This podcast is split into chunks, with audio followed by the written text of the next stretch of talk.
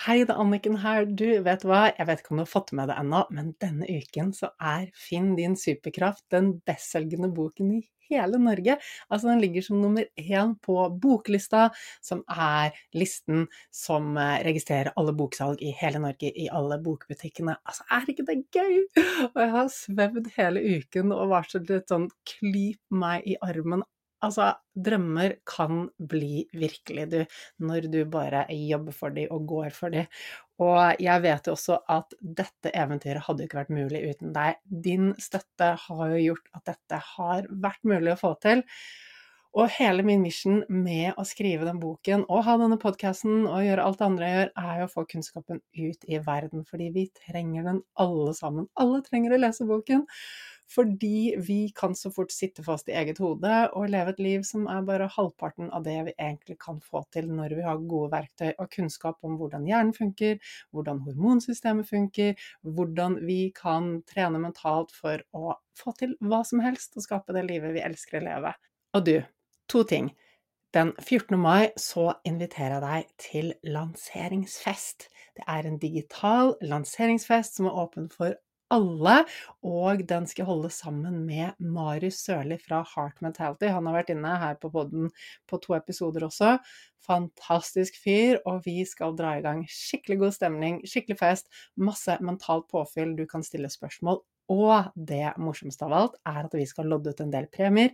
Det blir utlodding av eh, Ja, jeg skal ikke røpe alt, men blant annet så lodder vi ut et par billetter til den fysiske lanseringsfesten som er i Oslo uken etter der igjen. Og der kommer det jo masse folk du helt sikkert kjenner i min omgangskrets, og Torkel Færø, som har skrevet forordet til boken, skal også ha et bidrag på scenen. Og det blir god mat fra bl.a. Happy Foods og masse annet spennende. Så bli med på den digitale lanseringsfesten, så kan du også vinne en billett til den fysiske lanseringsfesten i Oslo, og den er da 21. mai. Og du, hvordan blir du med på den digitale lanseringsfesten? Du trenger å registrere deg, så jeg vet hvor mange jeg skal lage rom til i Zoom. Og da går du til annikenbinds.com, og så skriver du skråstrek digital strek boklansering. Der finner du det. annikenbinds.com skråstrek digital strek boklansering, og så finner du det. Og finner du det ikke, så send meg en melding eller e-post, så skal jeg gi deg linken så du får registrert deg, sånn at du kan være med på festen. Tirsdag 14. mai klokken åtte. Vi holder på maks én time. Eh, og enda en kul ting, onsdag 15. mai, til de av dere som bor i Bergen og bergensområdet, onsdag 15. mai klokken 18.00 så er jeg på Nordli i Strandgaten 1 og signerer boken. Altså, bare kom innom. Ta med deg boken om du ikke har fått den signert ennå. Du kan også kjøpe boken der, men bare kom innom. Gi meg en klem. Si hvem du er. Si hva podkasten, kurs eller boken har betydd for deg. Jeg har så lyst til å møte deg på ekte. Altså, det er fantastisk at vi har muligheten til å ha kontakt gjennom sosiale medier og alle andre digitale plattformer, men det å møtes på ekte er helt magisk. Så jeg har kjempelyst til å se deg på Nordli, Strandgaten 1, onsdag 15. mai klokken 18.00. Og ja, du, da kan du bare gå i gang og kose deg med episoden. Det er alltid mulig å ha det bedre og få mer ut av livet. Med riktig kunnskap og gode verktøy så kan du også ta livet ditt til neste nivå. Level Up er podkasten for deg som vil ha mer glede, mer energi, mer overskudd, motivasjon og mening, og rett og slett bare ha et bedre liv.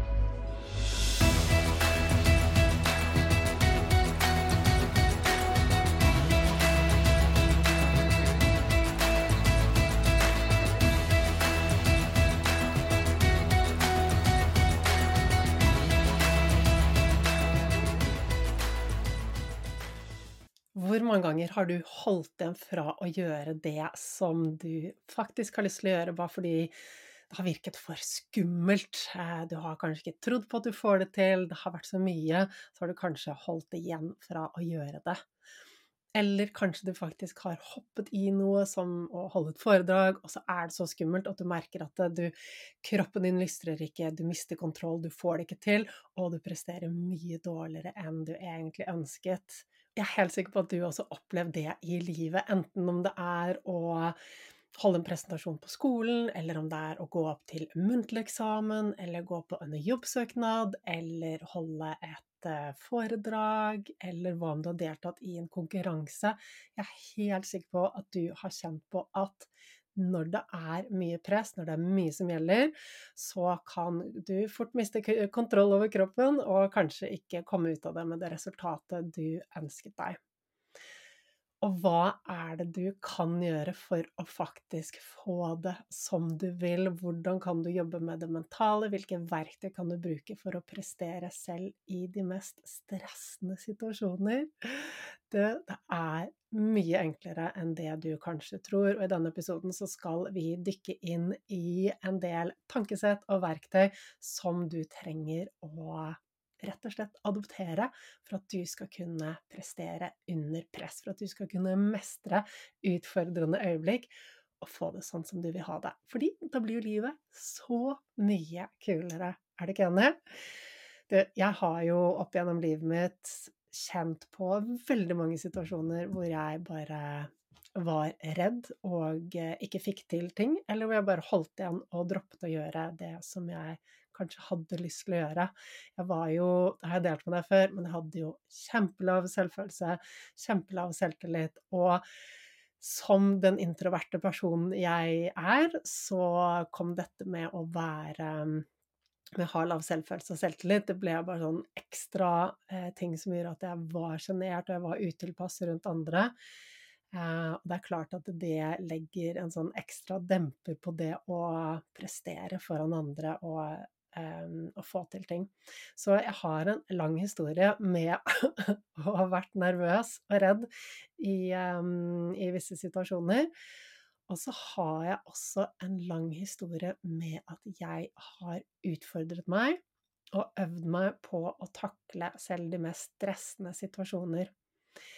Nå er jeg sånn av natur at jeg liker utfordring. Og jeg vet at vi er ulike. Vi har uh, ulik oppvekst, vi har ulik erfaring, og vi har ulik genetikk. Det er ikke sånn at én ting avgjør hvordan personligheten vår er, og hvordan topplokket vårt funker. Det er jo kombinasjonen av mange ting. Men vi vet nå at genetikk også har noe å si for hvor godt vi takler det å stå i stressende situasjoner, eh, for, ehm, for hvor godt vi takler det uforutsigbare, det usikre, for hvor godt vi takler det å være i utfordrende situasjoner. Så vi vet det. Og så vet vi også at når vi ikke utfordrer oss, så blir vi ulykkelige. Og kort fortalt så er din din kropp og din hjerne ble utviklet i en tid da det var farer rundt deg hele tiden. Så hjernen din er tunet inn på å se etter disse farene, ikke sant? Og den er tunet inn på å holde deg trygg. Det er viktig. Det var mange farer før, og da var det viktig at eh, hjernen din gjorde alt for å holde deg trygg. Saken er at eh, i dagens samfunn så er det veldig trygt. Det er så trygt. Det er ikke noen reelle farer. Og hva skjer når det ikke er noen reelle farer? Jo, hjernen din fortsetter å se etter farer, ikke sant? Og det som da skjer, er at ok, for et par millioner år siden så var det kanskje matmangel, eller det var en løve eller et eller annet som var faren, eller en fiendtlig stamme. I dagens samfunn vi har ikke noen av de farene, men hjernen din trenger fortsatt å finne en fare. Så hvis ikke du aktivt begynner å sette fokuset på noe som er litt skummelt, og utfordre deg der, så kommer hjernen din til å finne noe annet å ha fokus på som kan være farlig. Skjønner du hva jeg mener? Når din hjerne For din hjerne ser uansett etter farlige ting. Og du kan velge å bestemme hva det skal være, at du selv bevisst utfører deg eller du kan innta den passive holdningen, for det skjer uansett. Hjernen din vil uansett hekte seg på et eller annet skummelt, et eller annet farlig. Så du kan da velge den passive holdningen og la hjernen din skure og gå, finne det som er skummelt, som du gruer deg til, som du frykter, og gi deg en følelse av maktesløshet, av frykt, og at du rett og slett ikke har kontroll over livet ditt. Eller på den andre siden så kan du velge å si ok, dette og dette, dette er jeg redd for, derfor så går jeg det i møte og utfordrer meg. Kjempestor forskjell. Og vet du hva som faktisk skjer når du bestemmer deg for å utfordre noe som er farlig i ditt hode? Så frigjøres det, ja, stresshormoner. I tillegg så frigjøres det dopamin. er ikke det fantastisk? Og dopamin, det gir deg energi, motivasjon, drivkraft, selvtillit, tro, håp. Og når det frigjøres dopamin, så blir det en form for positivt stress. Det gir en følelse av at du er i kontroll. Det er en positiv opplevelse. Versus når det bare blir negativt stress, når hjernen din har funnet noe du skal være redd for, noe du ikke har bestemt deg for selv, så bare husk på det, ta med deg dette at uansett så kommer hjernen din til å finne noe som du kan være redd for. Enten bestemmer du hva det skal være, og utfordrer deg der, eller så finner hjernen din det, og hvis hjernen din bare finner noe, så blir det ikke noe følelse av motivasjon og selvtillit og tro og håp, det blir en følelse av maktesløshet. Så da kan du jo velge. Vil du ha det godt med deg selv, stå stødig, ha energi, drivkraft, tro og håp, selvtillit? Eller vil, eller vil du ha følelsen av maktesløshet? Og hele forskjellen ligger i er det du som tar et skritt mot det skumle, eller Prøver du å vike unna, prøver du å unngå det, prøver å inntar du den passive holdningen. Det her skal jeg dele mer om, men det er viktig å kjenne til hvordan kroppen din og hodet ditt fungerer, hvordan hormonsystemet fungerer, fordi det er jo helt logisk. Og når du kan dette, så slipper du å gå i fellen, du slipper å være et offer, du slipper å leve et liv som du ikke er fornøyd med, hvor du ikke har det godt. Og kan du disse tingene, så kan du jobbe med hodet, med kroppen, å ha et helt fantastisk liv. Det er kjempestor forskjell. Så ja, jeg ville bare dele dette med deg, at uansett hvor på skalaen du er av spenningssøkende eller trygghetssøkende, så trenger du utfordring. Hva som er utfordring for deg, det vil være helt ulikt.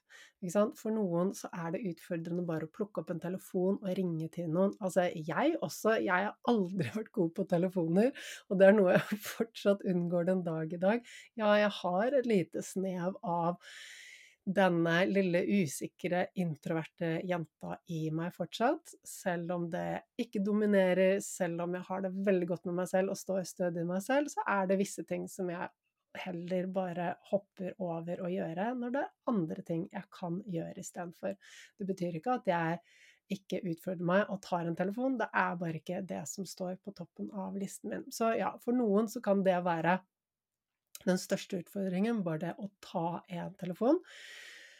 For andre kan det kanskje være å um, hoppe i fallskjerm, hva vet jeg. For noen vil det kanskje være å um, melde deg opp til eh, holdt på å si Skal vi danse, men der tror jeg du blir plukket ut. Hva er det man kan melde seg opp til som er skummelt? Jeg vet ikke. Et eller annet realityshow. Jeg ser aldri på TV, så jeg har ikke peiling på hva som trender nå. Men du skjønner tegningen. Noen ting kan du bevisst utfordre deg på. Hva er det for deg? Det vil være noe helt ulikt. Altså, jeg kjører jo snowboard hver helg eh, på vinteren i, i Hemsedal, og jeg Altså, ingen sportslig bakgrunn i det hele tatt. Altså null sportslig fostring, og jeg begynte å kjøre snowboard rett før jeg var 40. Så, og det er klart at det, det tar tid for meg å øve meg på å bli bedre. Og det er mye når det gjelder snowboardkjøring som jeg syns er kjempeskummelt. Og det er også grunnen til at jeg liker å holde på med det. Det er hele tiden en arena hvor jeg kan utvikle meg og utfordre meg. Um, så for meg kan det f.eks. være det å ligge litt ekstra på skjæret, carve, eh, legge meg litt ekstra over når jeg tar en sving eller to. Det kan være en utfordring. ikke sant? Det trenger ikke være så avansert. Um, det kan være sånne små ting. Kanskje du bare rett og slett balanserer på et gjerde.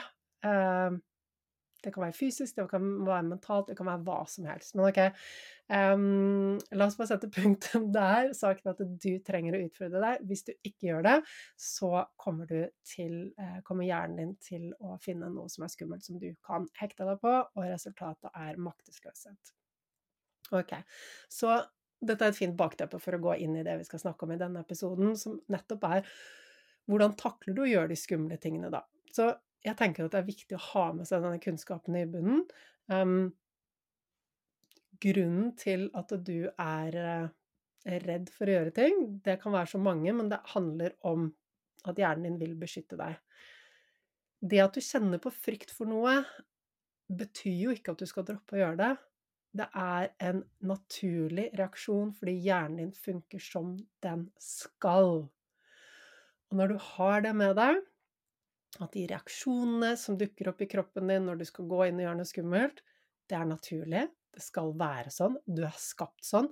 Hadde ikke du kjent på frykt, stress, eh, adrenalin, kort pust, skjelvinger i kroppen når du skulle gjøre noe skummelt, da hadde det vært noe galt. Ikke sant? Så jeg hoppet jo base i mange år. Og selv om det ble en rutine, så sluttet jeg aldri å være redd. Hvis jeg hadde sluttet å være redd, så hadde jeg sluttet å hoppe på flekken. For da hadde det blitt farlig. Det er meningen at vi skal være redde, ikke sant? Det er helt naturlig. Men det å være redd for noe er ikke det samme som at du skal unngå å gjøre det. Ja, det er klart. Noe redsel er, ehm, er tuftet i, la meg si, eh, i virkeligheten, og det er klart at du skal være redd for å gå midt ut på en motorvei. Eh, du skal være redd for høyder. Det er en grunn til at jeg var redd for høydene da jeg sto på kanten av et 1000 meter høyt fjell. Jeg skulle være redd for det. Vi skal være redd for de tingene. Så det er naturlig. Eh, frykten er bare informasjon. Så er det opp til deg å velge ok, er denne frykten her rasjonell, reell? Handler det om at jeg er redd fordi jeg skal gjøre noe som faktisk er farlig? Det å krysse en motorvei, en femfelts motorvei midt på dagen, det vil jeg si er ganske farlig. Det å stå på scenen foran 100 mennesker og holde et foredrag, er det farlig? Nei, absolutt ikke. Du kommer ikke til å dø.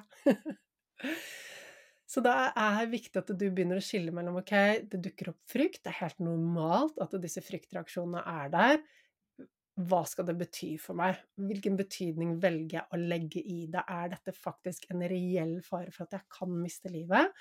Eh, er dette liksom reell informasjon på at ting ehm, er eh, direkte livsfarlig, eller er det bare hjernen min som er overbeskyttende?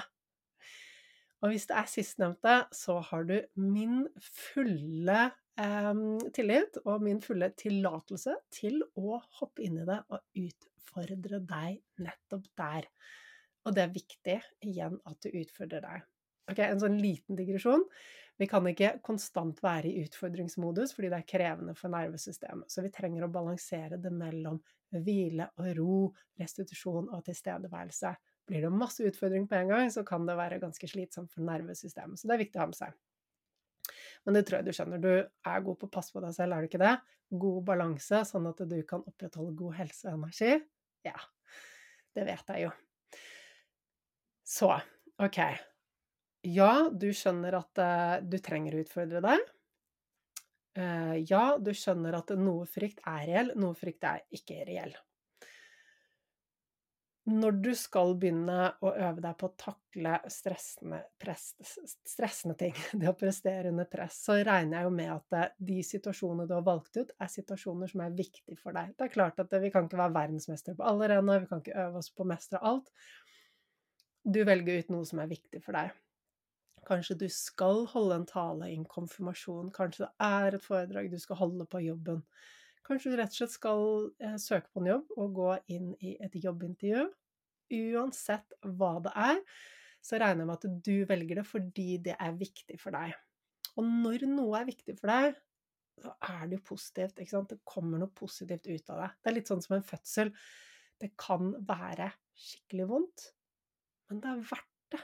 Og det er en god smerte, en transformerende smerte, fordi det kommer noe godt ut av det.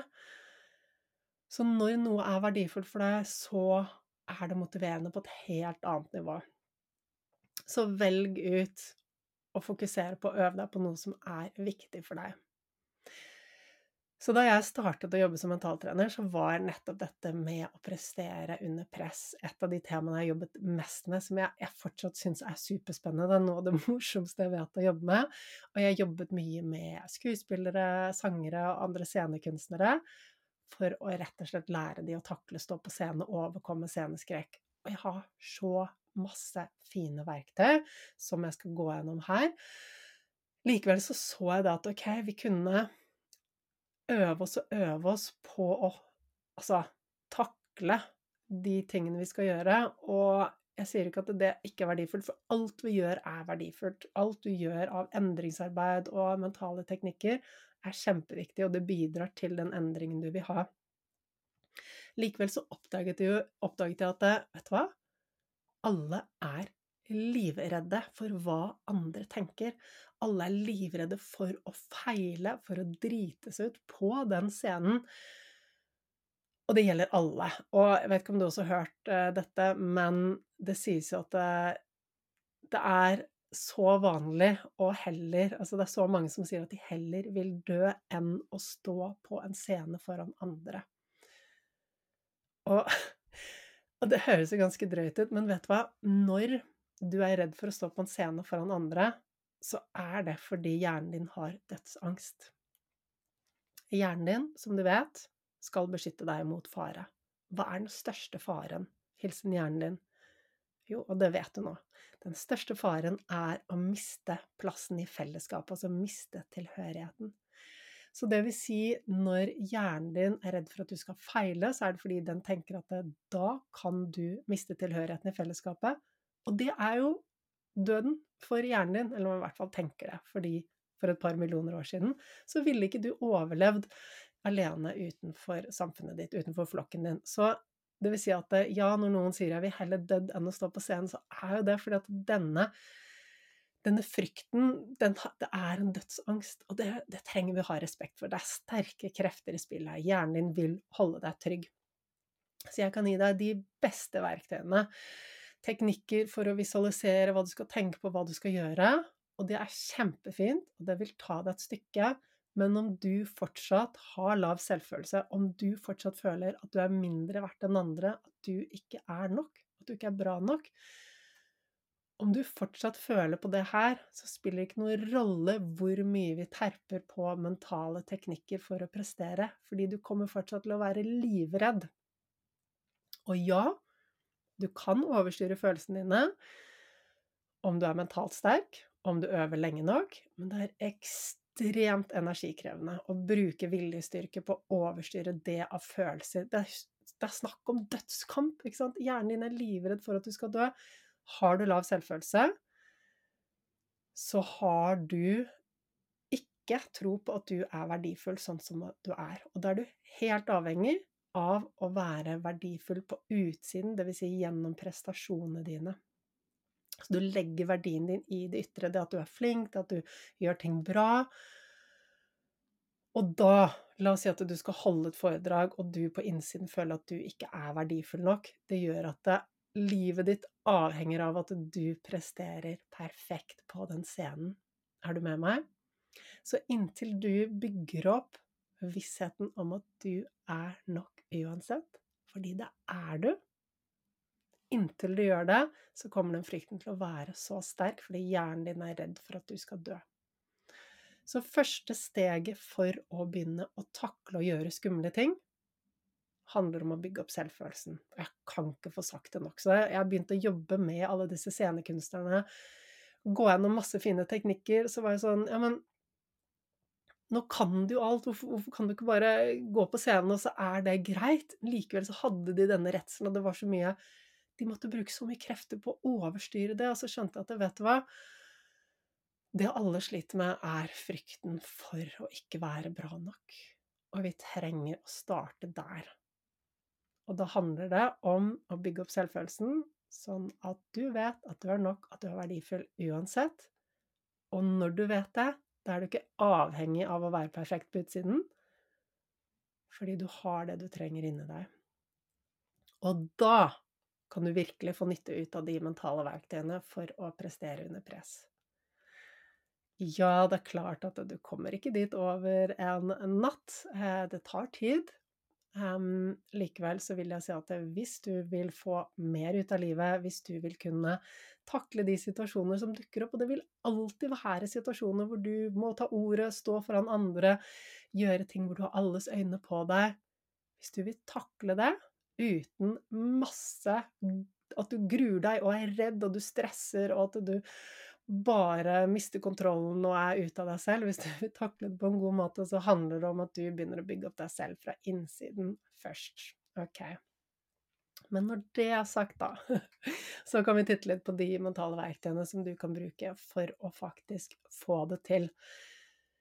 Så det er mye du kan gjøre. Og det er klart at dette er ting som jeg går i dybden på i kurset mitt. Her skal du uansett få et par ting du kan begynne å øve deg på. Så tenk på dette, at det er helt naturlig at du får en økt spenning når du skal gjøre noe. Det er fordi at eh, hjernen din, den er uansett hvor mye du bygger det opp, så har den en gammel programvare som går på at du um, må passe på så du ikke mister tilhørigheten. Ikke sant? Så den umiddelbare innskytelsen vil alltid være ok, du må passe på, og du må være, eh, levere bra, eh, sånn at du ikke mister tilhørigheten til fellesskapet. Jo bedre selvfølelse du har, jo mindre vil det påvirke deg. Um, jo kortere tid vil den tanken være der. Det vil være sånn åh, neimen, det her er ikke sant lenger. Jeg vet jeg er verdifull uansett, og jeg trenger ikke være perfekt på utsiden. Og så kan du viske det unna. Likevel så vil den reaksjonen som alle har, være at du har en økt spenning. En økt grad av spenning. Og så er det opp til deg å velge OK, så du vet at du kommer til å få en økt grad av spenning. Og da mener jeg stress. Men stress kan være både positivt og negativt. Og du må huske på at stressresponsen helt fantastisk. Det er en grunn til at vi har den. Vi har den sånn at du skal settes i stand til å takle det som ligger foran deg. Det gir deg økt energi og bedre fokus og rett og slett mer, bedre gjennomføringskraft. Og det er en liten forutsetning for at det skal gi deg gjennomføringskraft versus at det skal stjele kontrollen fra deg. Så økt spenning, eller stress om du vil kalle det, det kan du se på som noe bra eller noe negativt. Og her ligger hele forskjellen i hvilken effekt det har på deg. Husk på hva jeg sa i sted om frykt og det å gå inn i noe bevisst og utfordre deg, versus det å bare være et offer for frykten.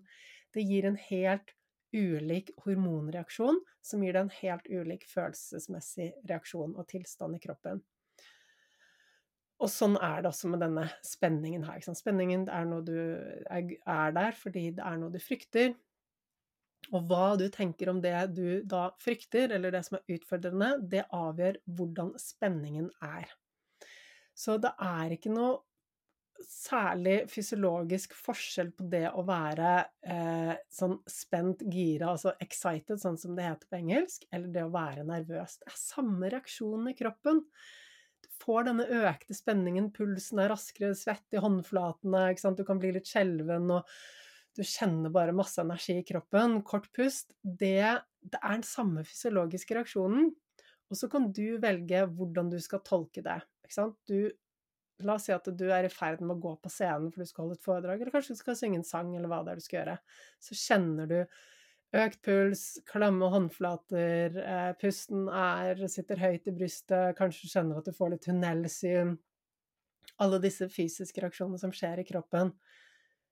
Hvis du tenker 'å nei, nå blir jeg nervøs, nå er alt ødelagt, det her går ikke', versus om du tenker 'åh, yes, der kjenner jeg den gode følelsen', det betyr at jeg er klar, dette gir meg mer energi og bedre fokus og bedre gjennomføringskraft det der er en 180 graders forskjell fra tenker du 'å nei' til tenker du 'å yes', så gir det en helt ulikt respons i kroppen.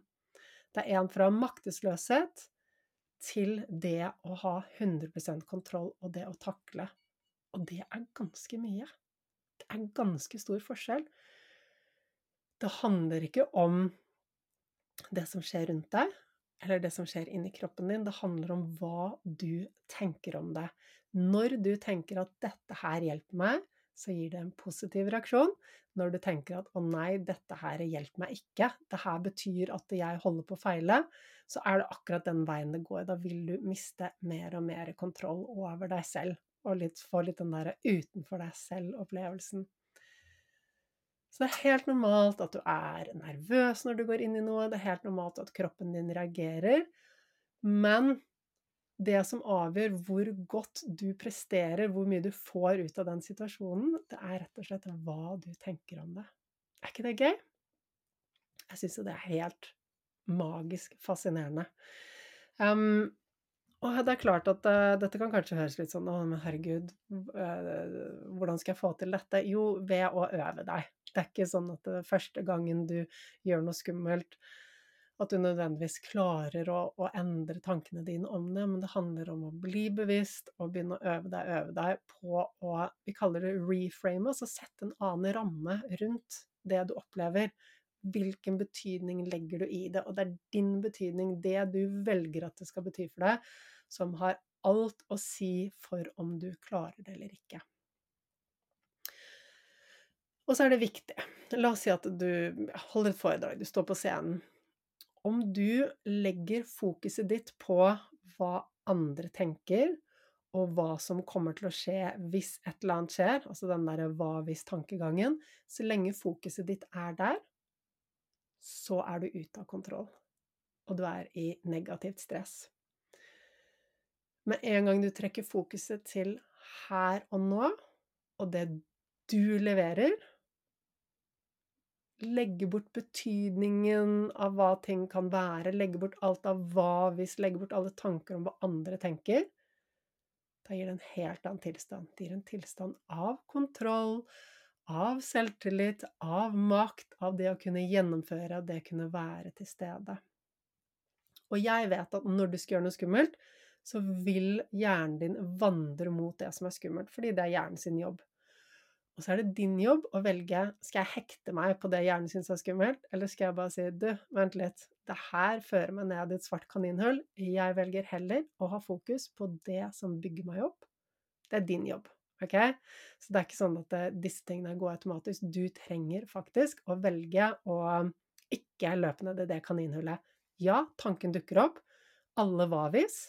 Og så er det din jobb å trekke det tilbake. Ikke sant? Jeg holder masse foredrag Plutselig kan tankene mine vandre til 'Å, nå sa jeg noe feil. Hva om de legger merke til det?' Eller 'Å, da kom det inn en kommentar. Hva legger de i det? Hva om de ikke liker meg? Hva om det og det skjer?' Så de tankene vil alltid være der, fordi sånn er hjernen din laget.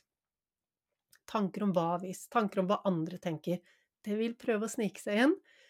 Og din jobb er å trekke fokuset tilbake, være 100% stedet stede på det du leverer til de som er foran deg. Gjerne også finn liksom én person som du bare Snakk til den personen, og ha fokus på å levere og på å dele, og da går det bra.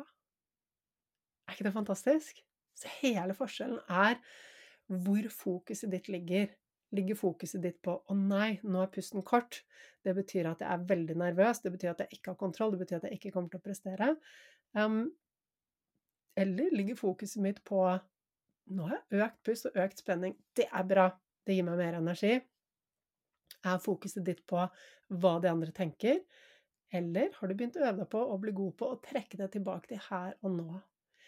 Jeg kan si deg det at så lenge du er 100% i stedet når du skal gjøre noe, 100% til stede når du skal gjøre noe, uansett hva det er, om du er i en konkurranse, jobbintervju, oppe til en eksamen, eh, holder et foredrag, eh, tale inn konfirmasjon. Uansett, når du er 100 til stede, så leverer du på ditt beste. Med en gang hjernen din vandrer til 'hva hvis dette skjer', 'hva hvis utfallet av situasjonen', med en gang hjernen din vandrer til utfallet av ting og hva andre tenker, så er du ute i det vi kaller negativt stress, som gjør deg eh, mer Rett og slett mer klumsete og mer ukoordinert. Er ikke det helt rart? Altså, du blir rett og slett satt ut av spill. Du kommer til å begynne å si ting du ikke mener, kanskje bli litt mer klønete, miste ting. Det setter deg ut med en gang. Så hvis du har lyst til å prestere best mulig i en situasjon som du gruer deg til, så er nøkkelen å øve deg på hele tiden trekke fokuset tilbake til her og nå, her og nå, her og nå. Så lenge du er til stede her og nå, da går det bra. Du er i ro når du er her og nå, når tankene dine er på neste skritt, utfallet av noe, hva andre tenker, så er du med en gang i negativt stress. Så enkelt og greit. Ja, jeg vet det krever trening, men her ligger jo hele hele nøkkelen. hvilken betydning du legger i de fysiske reaksjonene, og hvor fokuset ditt er. Så det kan være veldig lurt da å øve deg på forhånd før du skal gjøre noe. På mine kurs og med mine kunder så jobber vi mye med visualisering for å forberede oss. Det er en hel teknikk og en lang teknikk og en smørbrødliste som vi går gjennom eh, for å bruke visualisering som forberedelse. Og det er helt gull. Det handler f.eks. om å se for oss det La oss si det er foredrag, at du ser for deg det stedet du skal holde foredraget. Eh, kanskje du sørger for at du finner noen bilder av det, eller kanskje du besøker lokalet så du har et klart bilde i hodet, og se for deg selv at du gjør dette, at du har den følelsen du vil ha, gjør de tingene du vil gjøre, har fokuset der du vil ha det, at du faktisk gjennomfører. Se for deg det gjerne hver dag i tre uker før du skal gjøre noe, for det som skjer da, er at det det blir trygt og kjent for hjernen din. Den har vært der før, den har gjort det før. Er det mye, jo færre nye ting som nervesystemet ditt må ta inn, jo lettere er det å ha fokus på det du skal gjøre. Og når du har gjort noe mange ganger før, da er det ikke så skummelt lenger, da er det trygt. Så det å visualisere for å forberede seg til å gjøre noe skummelt er helt fantastisk. Det er det mest effektive verktøyet. Jeg bruker det spesielt brukt i surfingen for å forbedre teknikkene mine, for å jobbe med de tingene jeg er redd for. Eh, og det er klart det er, eh, det er en lengre smørbrødliste eh, som jeg går gjennom i kurset mitt, som gjør at bruker du den og ser for deg det hver dag i tre uker. Og da trenger det ikke ta lang tid. Det kan være liksom bare noen sekunder du er innom og ser dette, og ser at du gjennomfører det. Så vil det gjøre at dette er trygt og kjent for hjernen din. Den har lært av hvordan det skal gjøres. Og da er det ikke lenger så skummelt. Da har du mye mer energi til overs på å bruke på det som er viktig. Så all mulig form for forberedelse er kjempesmart. Og det jeg anbefaler, er å finne noe å fokusere på, fordi du vet at fokuset ditt kommer til å vandre til det som er skummelt, det som er farlig. Og din jobb er å trekke fokuset tilbake på her og nå. Og kan du da på forhånd bestemme deg for én ting som skal være Det er der fokuset mitt skal ligge. Kanskje du skal kjenne ned i tærne dine, at du har føttene godt plantet ned i bakken. Eh, hvis det er en konkurranse, f.eks., hva er arbeidsoppgaven din? Hva, hva, hva er den ene tingen du fokuserer på? For eksempel, vi har jo en båt som vi surfer bak, en wakesurfbåt. Og um, når vi skal eh, Det vil si at det, vi bruker tau for å komme oss opp av vannet, inn i bølgen og få fart. Og når vi er inne i bølgen og båten er oppe i fart, så kaster vi tauet inn i båten. Så vi står rett og slett på brettet og bruker kraften fra bølgen. Men når vi starter, så ligger vi jo i vannet med føttene på brettet, og båten begynner å kjøre, og vi skal opp til stående. De første gangene jeg skulle gjøre det, da hadde jeg hørt på forhånd at dette er kjempevanskelig, så i mitt hode var tanken dette er kjempevanskelig. Og jeg tryna og tryna, og jeg, bare, jeg prøvde så mange dårlige strategier, og ingenting funket. Og så så jeg på en video, en instruksjonsvideo, og jeg bare aha, ok. Eh, og så prøvde jeg det som de sa i den videoen at jeg skulle gjøre, og så satt det jo med en gang. Og etter det så ble det den letteste tingen. Jeg kan gjøre det i blinde, jeg kan gjøre det med én arm, jeg trenger ikke to armer. Det er bare så lett å gjennomføre den øvelsen, fordi jeg kan det, jeg vet akkurat hvordan det skal gjøres. Det er en øvelse, det å bli trukket ut av vannet, det krever ingen krefter når du vet hvordan du skal gjøre det. Men det er klart, du har motorduren fra båten, du har alt skummet som begynner å bruse, du har folk som sitter i båten og ser på deg, og du har alt det forventningspresset. Så det er klart at det er en litt stressende situasjon. Så jeg hadde en venninne med i båten som skulle øve seg da. Um, og jeg så at hun bare tryna og tryna og stresset og stresset, så sa jeg ikke nå, nå må du bare høre her. Det er kun én ting du skal fokusere på, og det er å ha press på hælene. Ikke noe annet. Og da jeg ga henne den ene fokusoppgaven, så fikk hun det til på første forsøk. For det er hele nøkkelen til å få til den øvelsen. Du trenger å forestille at et surfebrett ligger flatt på vannet. For at du skal komme deg opp på det, så trenger du å vinkle det litt, sånn at det får motstand under brettet. Så motstand kommer når båten begynner å kjøre, ikke sant? Og så trenger vi å hjelpe brettet litt med å vinkle det litt, og så presse lett på hælene. Og med en gang det er liksom motstand under brettet, da er det lett å reise seg opp. Alt annet går automatisk. Jeg bare sånn Ok, hør nå her. Det eneste, eneste du skal tenke på, bare steng ut alle tanker. ikke sant? Alt det andre som stresser deg, steng det ute. kun fokusere på hælene og trykk på de, og da satt det. Så uansett hva det er du skal gjøre, finn ut okay, hva er det det kreves for å gjennomføre oppgaven. Hva er det du kan ha fokus på som gjør at du kan stenge ute alt annet og faktisk få det til. Fordi det er klart at tenker du på motor, altså Slipper du inn lyd av motoren, det hvite vannet som eh, bruser, den svarte, mørke fjorden under deg, det kalde vannet, menneskene som ser på deg, det at du vil få det til og du tror det er vanskelig Hvis du slipper alt inn, så blir det stressende. Men hvis du kun fokuserer på å ha trykk på hælene og presse brettet lett ned, da er du ikke stressende. Det er det eneste du fokuserer på. Da er du i ro og fokus, og da nailer du det du skal gjøre. Er du med meg? Det er så lett. Så bare gå inn i den tingen som du ønsker å få til. Hva er det du kan ha fokus på som gjør det lettere å stenge ut alt det andre? Det er lettere for deg å være til stede her nå hvis du har fokus på en arbeidsoppgave. Kanskje det kan være pusten, kanskje det kan være at du holder en mikrofon. Um, eller et ark hvis du holder en tale. Altså, hva er det fokuset ditt skal være på? Og så øv deg på å trekke det dit hele tiden. Så hvis du da skal visualisere for å forberede deg til Eh, denne tingen du skal gjøre, så kan du øve deg da på at du trekker fokuset tilbake. Så vit det, hjernen din kommer alltid til å vandre til alt det andre, og så er det din oppgave å trekke fokuset tilbake. Øvelse gjør mester. Min hjerne vandrer fortsatt, og jeg er helt rå på å trekke fokuset tilbake. Hold et foredrag, gjør jeg et eller annet, oppdager jeg Kanskje jeg oppdager at jeg har en buse i nesen, da. Skal jeg la det stresse meg, eller skal jeg bare overse det, eller skal jeg bare si 'Å, du, unnskyld, jeg må bare pusse nesen'? Det er ikke verre enn det, ikke sant? Så vi er Ja, vi er alle, alle, alle redd for hva andre tenker om oss. Så det er viktig at du jobber med selvfølelsen din hvis du vil klare noen av alle de kule tingene som du drømmer om i livet ditt. Du jobber med å bygge det opp på innsiden, og at du også vet at det, når du er redd for å feile, så er det en sånn underliggende tro på at du ikke er bra nok. At du ikke er nok. Så øv deg på å møte det med å si at du faktisk er nok. Tenk deg at dine gener har overlevd gjennom millioner av år gjennom dine forfedre. Det er klart at du er verdifull. Du har kommet så langt. Bare det at du er her og nå, at du lever, betyr at du er nok. Det handler ikke om hvor perfekt du er, hvordan du presterer og alt det ytre. Det handler ikke om det. Du har alt på innsiden, og du trenger å begynne å bygge opp det, og begynne å se det, og begynne å legge fra deg den tanken om at du må være bedre, at du må leve opp til ytre forventninger, at du må prestere, at du finner verdien din der, for det gjør du ikke. Det er en svak og flyktig verdi.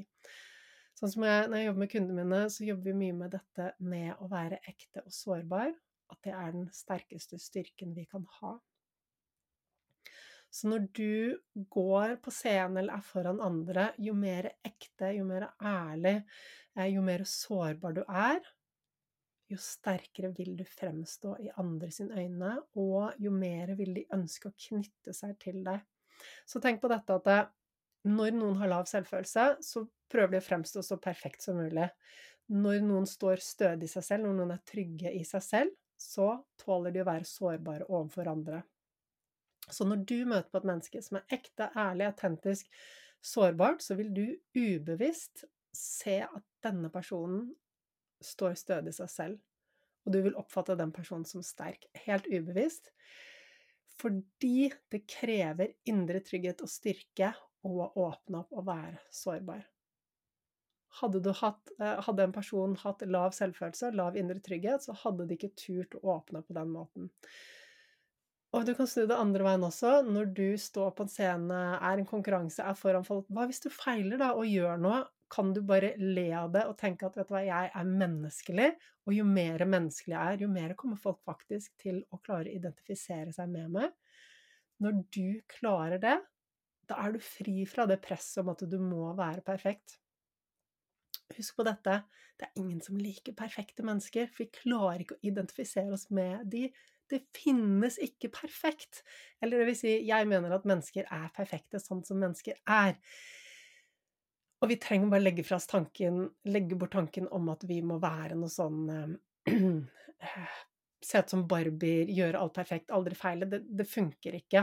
Så når du kan stå på scenen eller hva nå det enn du gjør, eh, være ekte, drite på draget, og så være ok med det, og vite at det er det som gjør at du fremstår som sterkere, til at du kan stå stødig i det.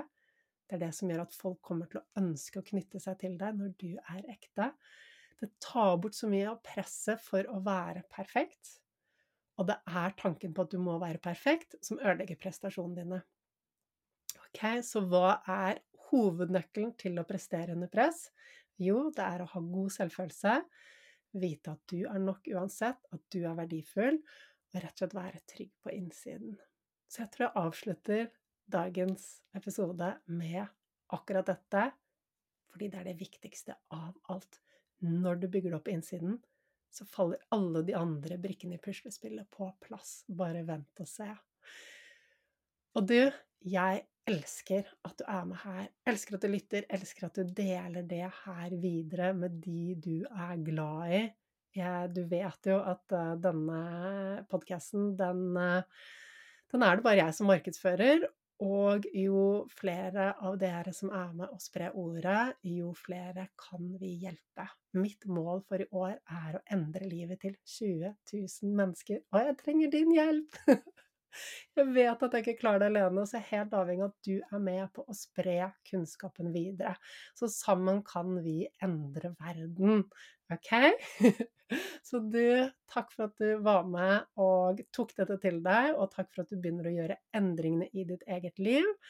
Og så gleder jeg meg til å se deg igjen neste uke.